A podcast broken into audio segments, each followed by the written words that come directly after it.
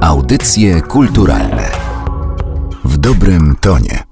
Literacka Mapa Świata to będzie portal, na którym e, użytkownicy będą mogli odnajdywać, ale również dopinać konkretne książki, miejsca akcji opisane w tych książkach do realnych miejsc na mapie. Urszula Witkowska. Dzięki temu będą mogli również w łatwy sposób odnajdywać książki, których e, akcja rozgrywa się właśnie w wybranym przez siebie miejscu, ale również na przykład planować podróż. Literacka Mapa Świata to nie tylko będzie mapa, prawda, tylko też e, docelowo portal społecznościowy. Tak, tak naprawdę my tworzymy narzędzia do tego, by każdy, kto interesuje się książkami, niekoniecznie ogólnie, ale na przykład z jakiejś dziedziny, czy jest fanem jakiegoś autora, a może jest fanem swojego miejsca, w którym mieszka i chciałby mm, pokazać, że jego miasto, jego region można zwiedzić właśnie szlakiem takim literacko-kulturowym.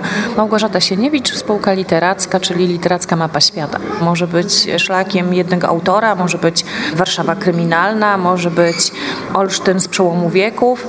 Tak zgromadzony materiał, można powiedzieć, materiał zgromadzony społecznościowo, będziemy udostępniać, czy każdy tak naprawdę będzie mógł z tego skorzystać, zarówno jako osoba, która chce tę mapę wypełnić treścią, jak i potem, żeby oceniać to, co proponują inni, oceniać zarówno propozycje książkowe, jak i wszystkie ciekawostki, które się wiążą z miejscami, które są wskazane na literackich szlakach, bo oczywiście te miejsca połączą się w szlaki i będziemy mogli tymi trasami zwiedzać. Będą różnego rodzaju wyzwania zachęcające do odwiedzania pewnych miejsc, do przechodzenia tras. I co warto zaznaczyć, tak naprawdę jest to portal ogólnoświatowy. Będzie jednocześnie tworzona wersja zarówno anglojęzyczna, jak i polskojęzyczna. Właściwie treść tutaj będzie w znacznej mierze pozostawiona społeczności, więc może się okazać, że mapa w języku angielskim będzie zupełnie proponowała inne treści niż to, co zobaczą polscy użytkownicy. Będzie to adresowane no, między innymi do tych osób, które szukają w turystyce, w zwiedzaniu czegoś więcej niż tylko noclegu i wyżywienia. Może są osoby, które już mają powiedzmy dość, czy też chciałyby spróbować czegoś innego niż na przykład w czasie all inclusive, jeżeli jadą rowerami, a może jadą z dzieckiem śladami opowieści, które są adresowane do młodego czytelnika. Sama literatura to jest olbrzymie bogactwo, a my chcemy jeszcze, żeby ta literatura była takim haczykiem do tego, by pokazać właśnie różnego rodzaju ciekawostki związane w ogóle z kulturą, z filmem, z serialami, z komiksami. Mamy ekspertów, którzy znają się na literaturze bądź interesują się jakimś wycinkiem tej olbrzymiej masy książek, jaka wychodzi na świecie i te osoby już zaproponują gotowe rozwiązania, czyli zarówno powiązanie książki z miejscem, czy jeżeli gdzieś jedziemy i szukamy książki, której akcja dzieje się chociażby w Peru, to będzie można taką książkę znaleźć.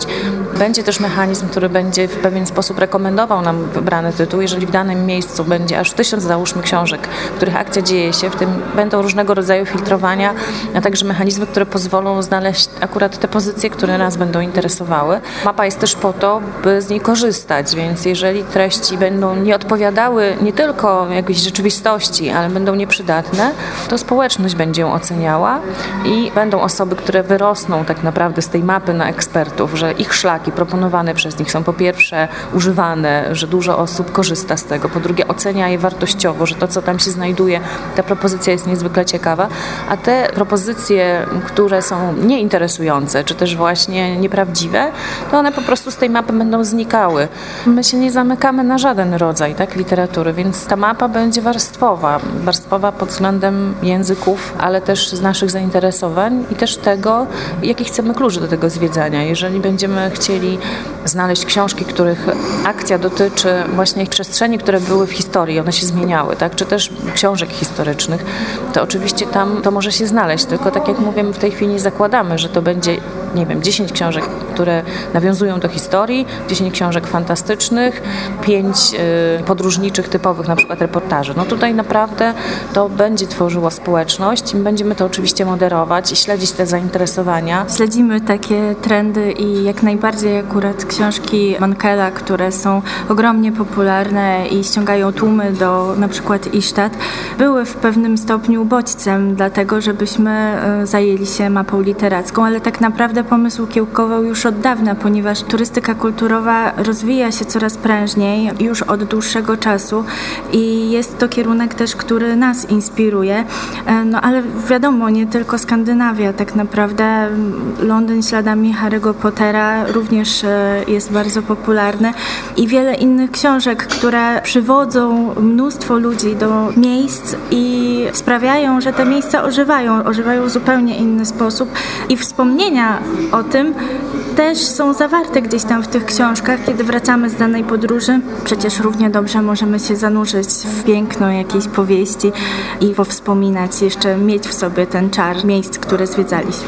I czy panie też tak podróżują z książką pod pachą i porównują opisy do zastanych miejsc? Może niekoniecznie porównują, ale na pewno literatura jest ważnym elementem naszego życia i, i jest tak, że już jakoś tak automatycznie, kiedy wybieram się do jakiegoś miejsca, oczywiście szukam, jak to zostało opisane, co ciekawego innego mogę tam odnaleźć i, myślę, że to jest taki naturalny sposób podróżowania akurat dla mnie i sądzę, że też dla wielu ludzi, którzy, którzy kochają książki, kochają czytać, ale nie tylko, bo też właśnie od tej drugiej strony może to być inspiracja, właśnie miejsce może być inspiracją do sięgnięcia po książkę, jeżeli zostaniemy zachęceni na przykład cytatem. No jeszcze warto powiedzieć, że w Polsce widzi się to zainteresowanie związku właśnie miejsc realnych, miast e, z literaturą, bo powstają mapy, które może nie są tak nowatorskie, jeśli chodzi o jakieś rozwiązania technologiczne, niemniej jednak dąży się do tego, by pokazać, na przykład jest literacka mapa Łodzi, czy literacka mapa Wrocławia, literacka mapa Krakowa, czyli pokazanie miejsc, które wiążą się z literaturą. Czasem to się ogranicza tylko do miejsc związanych z na przykład biografią autora, gdzie się urodził, chociaż to też oczywiście jest ważne. My bardziej nastawiamy się na tą fabułę, na to bardziej, gdzie na przykład bohater e, pił kawę, a nie na to może, że autor się urodził w danym domu, choć nie zamykamy się też na to, że będą i takie miejsca pojawiały się na mapie. Jeżeli znajdziemy miejsce, które grało jakąś rolę w e, powieści, to ciekawe będzie pokazać, co w tej chwili w tym miejscu się znajduje, a może jak widział to inny autor w innym dziele. Myślę, że też warto podkreślić, że to jest też ciekawa propozycja dla osób, które chcą odkryć swoje miejsce, w którym mieszkają, jakby na nowo, czy pokazać je osobom, które do nich przyjeżdżają. Tak się dzieje, jeśli chodzi o przewodników PTTK. Wystarczy wpisać y, wyszukiwarkę internetową, właśnie zwiedzanie szlakiem literackim i e, pokazują się strony przewodników turystycznych, którzy chwalą się tym, że oprowadzali właśnie e, śladem jakiegoś autora czy książki.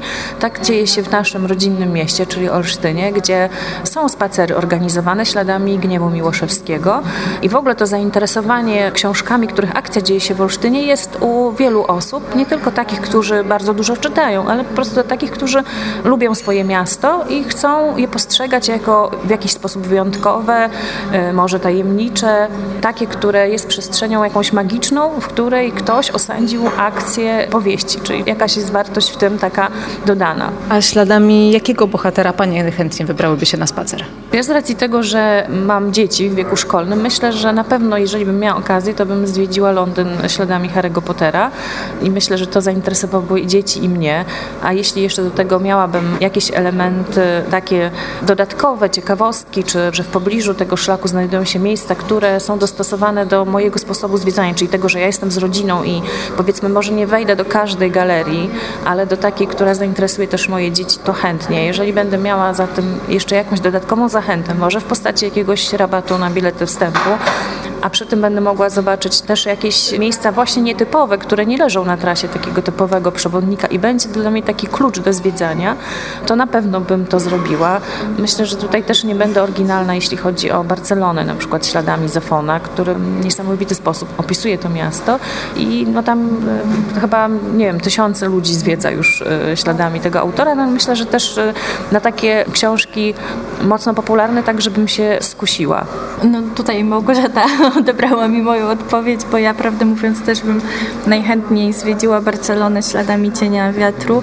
Z uwagi na to, że z kolei nie mam dzieci, ale mam narzeczonego i oboje uwielbiamy czytać i lubimy właśnie taki ulotny klimat i to jest właśnie i taki cykl książek i takie miejsce, które chciałabym zobaczyć właśnie od tej strony, od tej, która mnie zafascynowała w lekturze, zboczyć z tych tras, gdzie wszyscy zawsze gdzieś tam tłumnie się skupiają i odnaleźć te cmentarzysko zapomnianych książek. Audycje kulturalne w dobrym tonie.